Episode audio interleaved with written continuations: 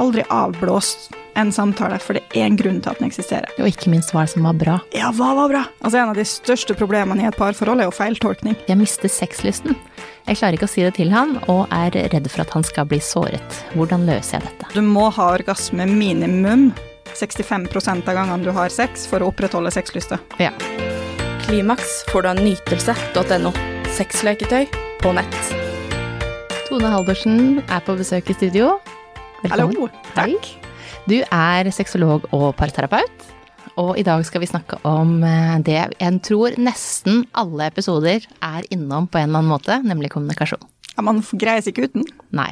For det sies jo det at eh, god kommunikasjon det er nøkkelen til et godt forhold og et godt sexliv.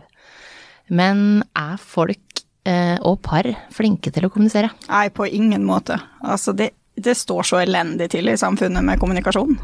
Eh, Jeg har ikke ett eneste par i eh, parterapi der vi ikke er innom kommunikasjon, Nei. fordi at de er for dårlige på det. Klimaks får du av nytelse.no.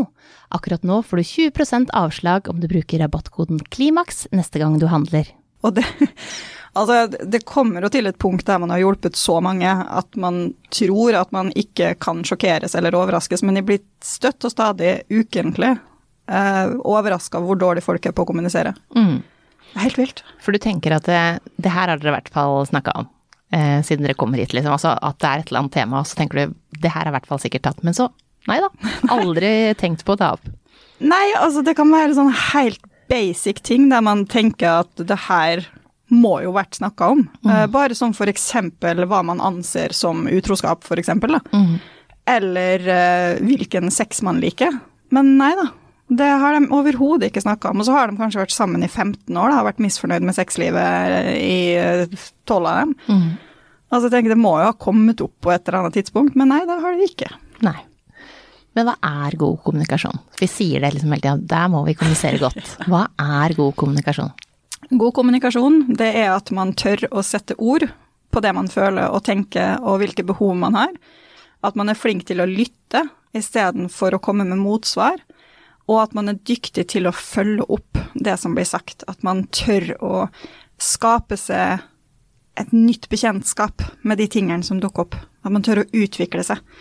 Og god kommunikasjon, det er også å tørre å ha øyekontakt. Mm. Det å tørre å ha berøring.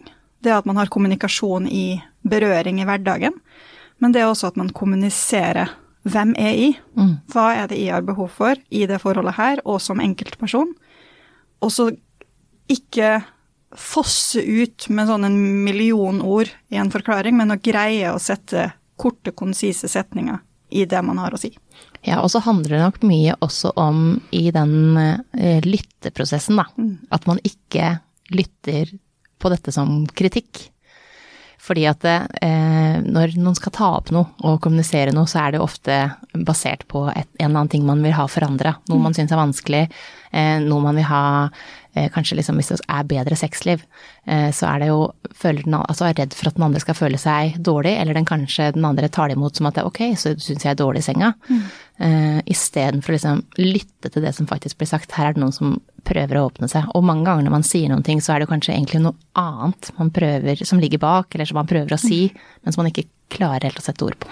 Altså En av de største problemene i et parforhold er jo feiltolkning. Mm. Ikke sant? Det at man hører det partner sier, og så tolker man det, og så hører man noe helt annet egentlig enn det som ble sagt. Og det gjør vi alle sammen. Vi alle tolker tonefall, vi tolker ord, vi tolker setninger ut fra vår egen bagasje og vår egen referanseramme. Så en av de vanligste øvelsene jeg gir til par i parterapi, det er å ikke tolke det den andre sier, men å si det du sa nå, det tolka jeg som sånn og sånn, var det det du mente? Ja. Og da har partner da lov til å si nei, det var faktisk ikke det jeg sa. Eh, og gjenta det som ble sagt, helt til den andre ikke tolker det ut fra sine referanserammer, men at det blir tolka på den måten som partner faktisk mente det. Eh, Så det er en sånn typisk øvelse IR. for feiltolkning. Det skaper store problemer og dårlig kommunikasjon. Ja. For det mange gjør, det er at de feiltolker, så blir de sur, så sier de ingenting om det, og så blir det dårlig stemning. Og så har de kanskje ikke sex på noen dager fordi at man går og gnager på det som man trodde partner sa. Ja, og så er det jo særlig det at man at en blir sur, da. gjør jo at man får jo ikke lyst til å kommunisere, altså å ta opp ting noen gang igjen, for at det blir dårlig stemning, og det blir jo bare verre, egentlig. Og det skaper jo voldsom usikkerhet, da. Det er mange som sier i parterapi at ja, men jeg tør jo ikke å si noe, fordi at da blir hun sur, eller da blir han sur, eller jeg skjønner ikke hvorfor han eller hun reagerer sånn når de sier det her, så derfor har jeg bare slutta å si noe. Mm. Og da er det den tolkninga kommer inn. Mm. Men hva gjør man når det har gått for lang tid, da? Eh, kanskje det har gått år uten at man har sagt ifra, og så skal man plutselig begynne å fortelle hva man trenger, ønsker eller har behov for. Kom dere i parterapi? Ja. Altså, det er litt det der at i parterapi så har du en nøytral part som kan sitte og oversette imellom dere. Skape en kommunikasjonsflyt som begge kan forstå, og sitte og være litt sånn oversetter mellom partene.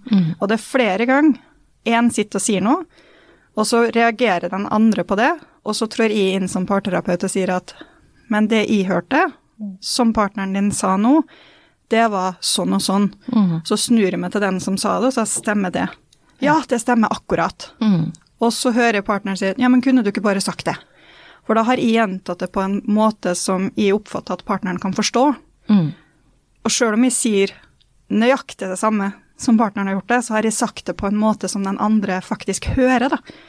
Og som ikke tolker egne ord.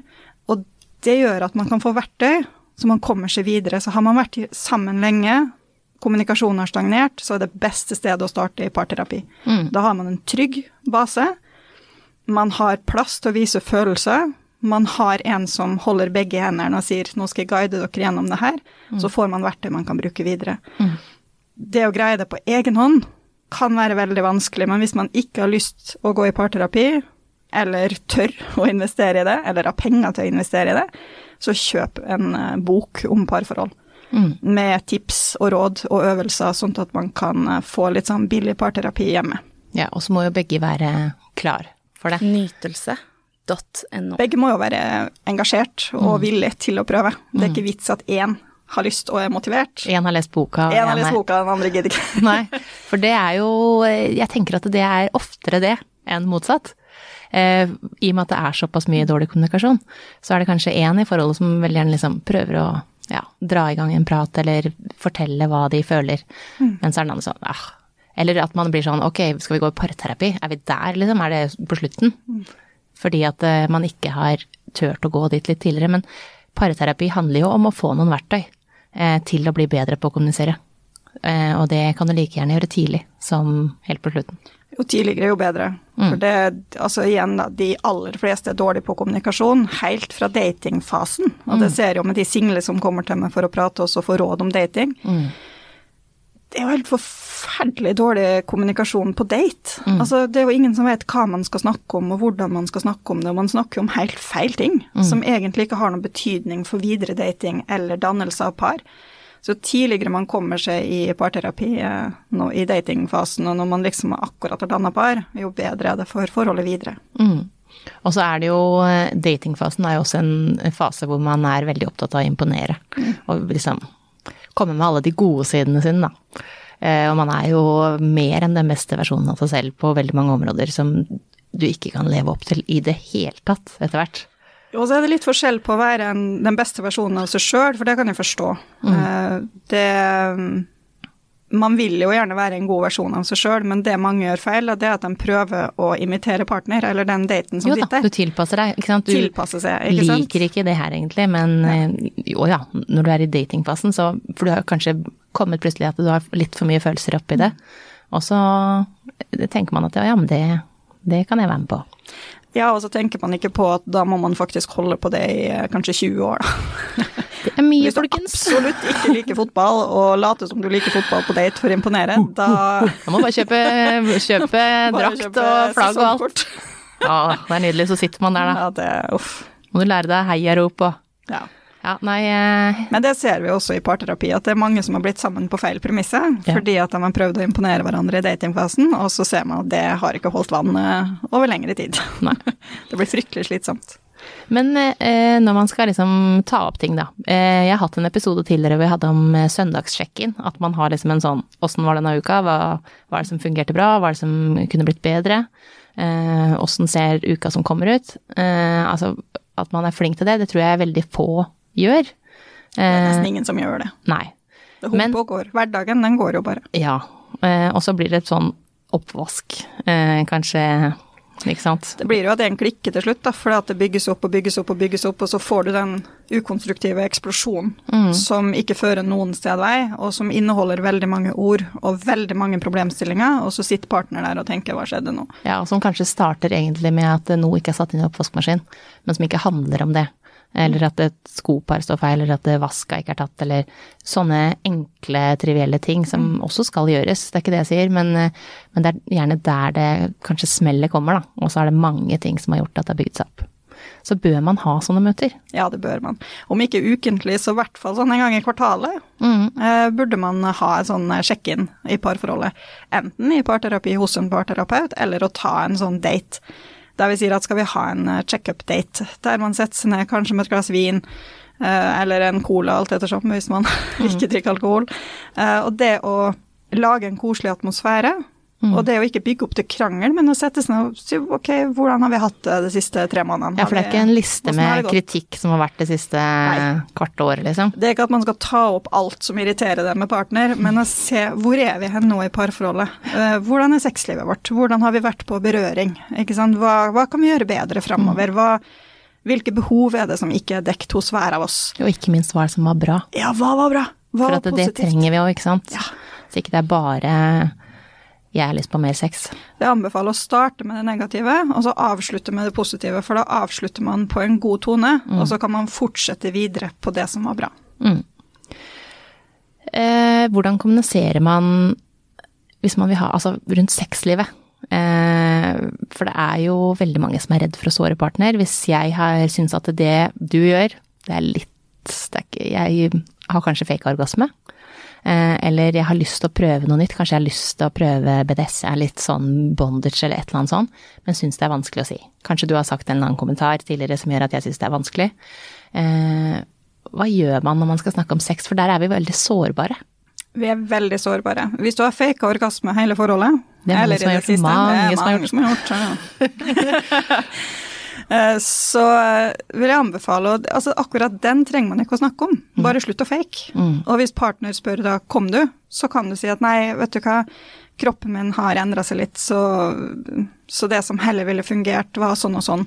Og så kan du ta det litt derfra. Mm. For det er mye mer sårende at du forteller at du faktisk nå er faka i tre år. ja, altså det er jo ikke noe hyggelig, og da vil jo det også skape en usikkerhet hos partner når du faktisk får orgasmen, da. At åh, faka hun nå, eller faka han. Ikke sant. Og det, så der ville jeg kanskje latt være å si at du har faka i alle år, eller de siste tre årene, men å heller slutte å fake. Og så forklare hva som skal til for at du får orgasme framover. For seksualiteten vår er flytende.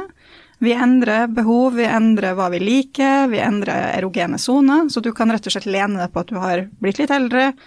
Du har blitt nysgjerrig du på har blitt nysgjerrig på nye ting, og så forklarer du hva som fungerer for deg i dag, istedenfor å ta opp det som ikke har fungert. Mm. Når det kommer til å snakke om sex generelt, hvis man har lyst til å prøve noe nytt, så finn litt artikler om det, finn noen bøker om det, kanskje finne noen serier som tar det opp. Mm. Hør Love, på en podkastepisode. Love, Sex i- and Goop, for eksempel, Ja. eller hør en podcast-episode. Sitt i bilen og bare Ja, ikke sant. Ta opp det der at du, det her, jeg hørte den podkastepisoden her, det hørtes veldig spennende ut, de tok for seg BDSM. Eh, Det merker det trigger meg litt sånn positivt. Eh, Er det noe du har lyst til å høre på med sammen om og lese litt om og se om vi kan prøve det? Så introduser det på en måte som er litt ufarlig. Eh, Og ikke nødvendigvis si at jeg har savna BDSM i ti år, men si at du, den podkast-episoden her, den var veldig bra, den tok for seg BDSM, den merka jeg. Jeg reagerte positivt på. Mm. Og så prøv å snakke litt rolig om det. Uten kritikk, uten dømming, uten å kaste skyld for noe. Holde det positivt. Hva har vi lyst til å prøve? Hvordan har vi lyst til å prøve det? Er det her noe du syns er spennende? Nytelse.no. Les noen bøker. Ja, også hvis partner kommer og sier til deg noe den har lyst til å prøve, så legg også merke til liksom hvordan du svarer. Ikke vær dømmende der også. Nei, og ikke vær utelukkende avvisende. Mm. Fordi at det kan jo faktisk hende at du også vil like det som blir foreslått, bare du får tenkt litt på det. Mm. Og det med BDSM, da trenger man jo ikke å hoppe inn i miljøet og gå på klubb og kjøpe et bur til å ha på soverommet. Altså man kan starte med en starterkit. Ja. ikke sant, og litt bind for øynene. Kanskje kjøpe et rep og knytte fast i senga. Kjøpe noen håndjern. eh, Kjøpe noen fjær eller noe olje og massere. Altså begynn i det små og se ok, kanskje er det her litt tennende for meg også. Og så må man jo da se i hvilken grad er det partneren egentlig snakker om det her, og hvor langt er du villig til å gå. Mm. Prøv å teste litt grenser. Kanskje flytte noen grenser. Mm. Og så er jo kanskje det spørsmålet som flest lurer på, er jo det rett og slett det å ha et sexliv. Eh, fordi at mange par eh, har gått liksom inn i en tralt som gjør at man ikke har sex, eller har det veldig, veldig sjelden. Og at behovet for sex er forskjellig. Eh, så det å kommunisere det til hverandre, at det, ok, én har lyst på sex fire ganger i uka, og én har lyst på sex én gang i måneden. Åssen får man liksom Møter man hverandre da? Det er jo å se på hva er sex. Det sier jeg ofte til par. Hva er sex for det? For det man tenker på når man tenker på sex, det er jo penetrasjon. Men det er jo mange som ikke har en penis tilgjengelig fordi at man er i et lesbisk forhold, f.eks. Mm. Så hva er sex? Og det er der man kan se på at ok, hvis partner reagerer på penetrasjon, og ikke har lyst til å tvinge seg til penetrasjon, kjempebra, flott at du har grenser, men hva kan man gjøre ellers? Kan man ta på hverandre? Kan man massere hverandre? Er det sexen man er ute etter, eller er det nærhet man er ute etter? Er det intimitet man trenger, eller er det en orgasme? Og da kan man også tilpasse det til å passe inn til at sex kan være så mye mer, da. Mm. Så her er det jo viktig å kommunisere om hva er sex? Mm. Hva er det man savner? Hvorfor har man det behovet man har, og hvorfor har man kanskje ikke det behovet? Mm. Men opplever du at par syns det er vanskelig å snakke om eget sexliv? Veldig. Mm. Og det kommer ofte på slutten av timen, eh, så kommer det ofte litt sånn ja, by the way, vi har ikke hatt sex på et år. Eh, og da er det litt sånn ok, fortell. Hva er det som har skjedd? Og da er det i de fleste tilfeller eksterne ting som gjør at man ikke har sex. Det har ingenting med partner å gjøre, det har ingenting med, med sexen å gjøre. Sexen kan være bra når man har det, men at man er sliten pga. jobb eller barn eller husarbeid, eller at man har for mye stress, eller det kan være sykdom i nær familie. Man kan være kronisk syk sjøl, partner kan være kronisk syk, det kan være andre ting som spiller inn. Så vi ser at sexlivet ofte er påvirka av andre ytre faktorer, Mm. ikke nødvendigvis at sexen er dårlig. Men hvor er det en fin arena å snakke om, eh, og når, eh, å, snakke om sexlivet? Hvor som helst og når som helst der man føler seg komfortabel. Mm. Kanskje ikke rett etter man har hatt sex? Nei, altså for noen så Hvis man skal holde det positivt, så kan det være en lur arena. Når man da føler seg veldig intim og trygg og fornøyd, så kan det være en fordel å snakke om det positive med sexlivet. Mm. eh, Og hvilke behov som blir dekt. Mm. Og så er det jo gjerne andre plasser, som f.eks. i bilen, er det mange som føler seg komfortable med å snakke når man er på biltur. Mm. Eh, Hvis man har barn i baksetet, få på dem noe headset. Alle sitter på skjerm i dag. Yeah. Eh, På fjelltur f.eks., eller hvis man går en tur i skogen.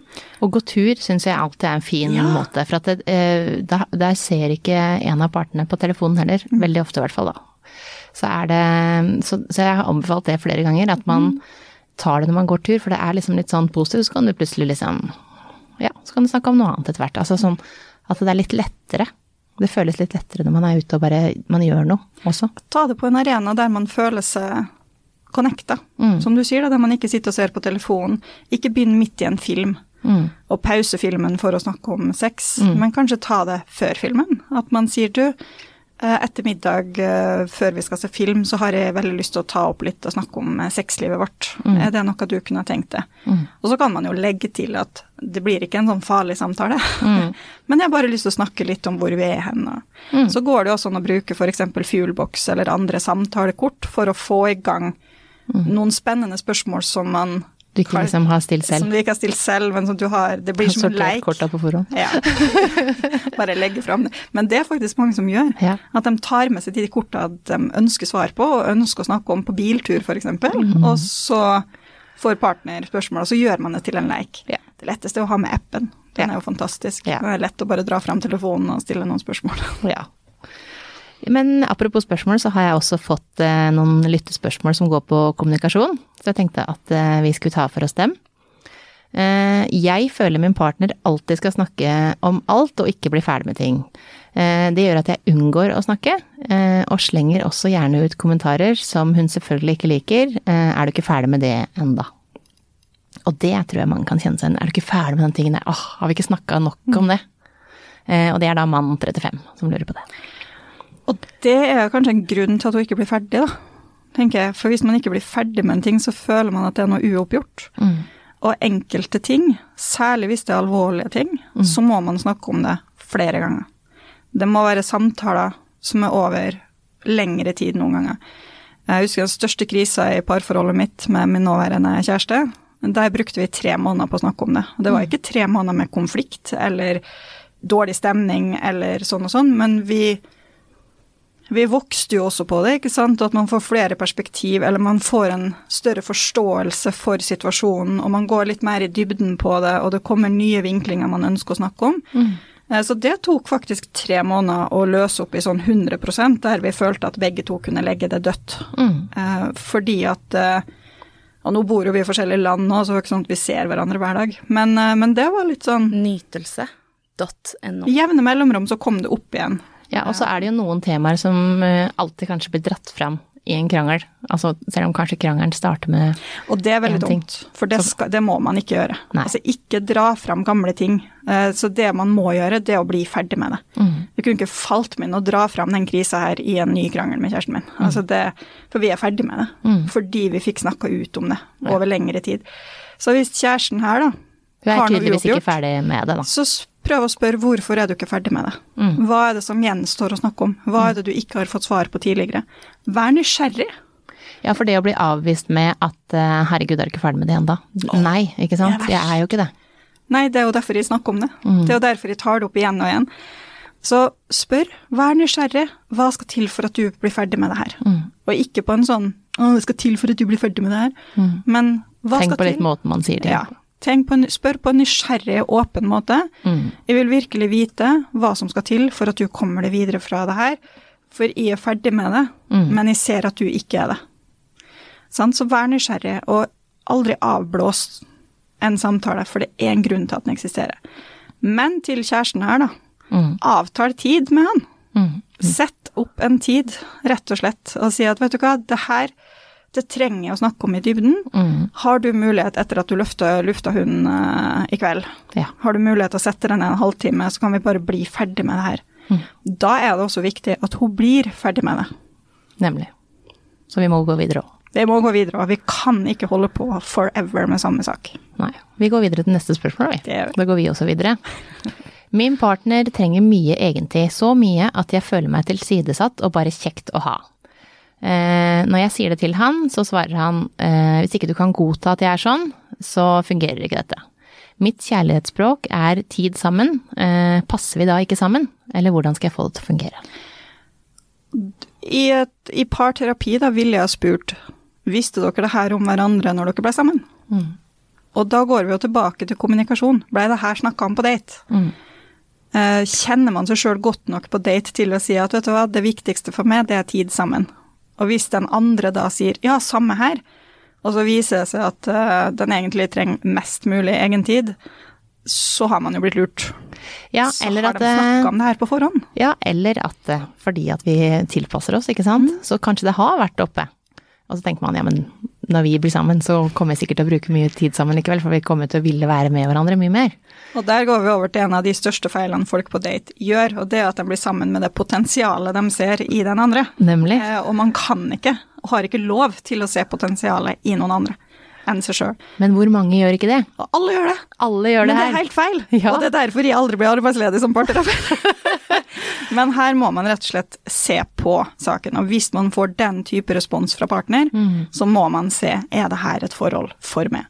For hvis man ikke er villig til å strekke seg litt og si at ok, jeg har det behovet her for egen tid, men jeg skjønner at vi også må ha tid som par.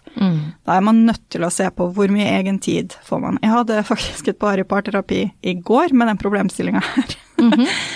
Eh, der han har altfor mye alenetid, og hun er helt desperat etter kjærestetid. Og da er det sånn, hva er middelveien? Og da fant vi ut at hva gjør han når han har alenetid? Jo, han ser Netflix. Ja. Ok, kan han en av de to timene han trenger alenetid, se Netflix sammen med kjæresten sin? Mm. Ja, det kunne han. Ja. flott. Da har vi funnet en middelvei. Men så går det også an, fordi at den som ofte gjerne da vil ha eh, tid sammen, den er jo alltid klar til å ha tid sammen. Og legger sine ting kanskje bort, kanskje ting man har lyst til å egentlig gjøre, men som man legger bort for at nå endelig får man kjærestetid. Så hvis man også prøver en periode å gjøre motsatt, så nei, vet du hva, nå skal jeg ut med noen venninner, jeg. Så det, når den andre egentlig har Da har den andre kanskje litt behov for nærhet og, og tid. At man speiler litt og ser åssen Ok, da ser du nå at det, det kanskje føltes ikke så godt at man føler seg tilsatt, sånn at man kan møtes litt. Eh, Men, der har jeg også hatt et par i parterapi for ikke så lenge siden, og der endte jo det opp med brudd. Det kan hende med brudd. For, fordi at da når den da, som hadde veldig kontakt, plutselig begynte å gjøre sine ting og satte av tid til seg sjøl, så ble den andre veldig på, mm, sånn som du beskriver her, men da hadde hun allerede mista følelsene sine. mm. Og det er far. Det var det som gjorde at hun kunne begynne å sette av tid til seg sjøl, det var at følelsene hadde begynt å forsvinne. Mm. Ikke sant? Og da Men da er jo det egentlig Ja, men da er jo det kanskje en fin måte på å komme videre også. For, eh, fordi at det, det var jo da ikke riktig i utgangspunktet. Nemlig. Eh, fordi at hvis den ene Hvis du har veldig mye behov av å være sammen og trenger den som syns det er fint, vi skal være sammen og vi, vi gjør ting sammen. Hvis den andre da skal være på sine egne ting hele tida, enten om det er han eller hun, at de skal være på ute med jentene eller ute med gutta, eller øh, være på hva det skulle være, om de driver med padel eller om de driver med annen sport da, som gjør at du er borte hele tiden, alltid er på fotballhelg. Um, og hvis den andre har ti, har, trenger nærhet og tid sammen da, så er det jo en krasj i utgangspunktet. Det er det. Så i den casen som du leste opp her, da, så ville jo vurdert å sette på parforhold og regne litt på det og se ok, hva har vi egentlig mulighet til? En sånn type reaksjon som hun har fått med kjæresten sin her, mm. vil jeg si starten på brudd, fordi at du kan ikke være så steil på noe Det høres viktig. litt eh, følelsesløst ut. Ja, det høres følelsesløst ut, og det å være så steil på noe partneren din kommuniserer er viktig, og så bare si at nei, men sånn er og det må du godta, da må hun ta ansvar for hva hun har behov for, og hvis det da betyr brudd, så finner hun kanskje en partner som kan gi henne det hun trenger, da, og Ja. som møter henne i det fordi at han også trenger det. Mm. Og det er viktig. Det er viktig. Siste spørsmål er Jeg har aldri fått orgasme med partner, men, han, eh, men det tror han, for jeg er god til å fake. Dette var vi jo litt inne på i stad. Eh, nå er jeg lei av det og kjenner at jeg mister sexlysten. Jeg klarer ikke å si det til han, og er redd for at han skal bli såret. Hvordan løser jeg dette? Det er jo ikke rart at du mister sexlysten når du bare faker orgasme, for ny forskning viser jo, særlig på heterofile kvinner, at antall orgasme de får med antall sek ganger de har sex, har veldig mye å si for orgasmen, nei, for, for eh, sexlysten. Mm. Så du må ha orgasme minimum 65 av gangene du har sex for å opprettholde sexlysta. Ja. Og det er spennende forskning, så hvis du bare faker forholdet, da forsvinner sexlysten Ja. eh, ganske fort, altså. Så her vil jeg gjøre sånn som vi hinta om tidligere, det å slutte å fake, og rett og slett bare ikke få orgasme, da. Og så kommunisere. Du, i det siste så har jeg hatt lyst til å prøve sånn og sånn, eller jeg har behov for at du gjør sånn når vi har sex, for at jeg skal få orgasme, har du lyst til å prøve det? Eller når du gir meg oralsex, så er det superdeilig når du gjør sånn. Eh, Det skulle jeg ønske du kunne gjøre litt lengre, eller litt mer av. Ikke sant? Ikke si hva som ikke fungerer, si hva du har behov for, og hva du liker, og hold det positivt, istedenfor å komme med kritikk.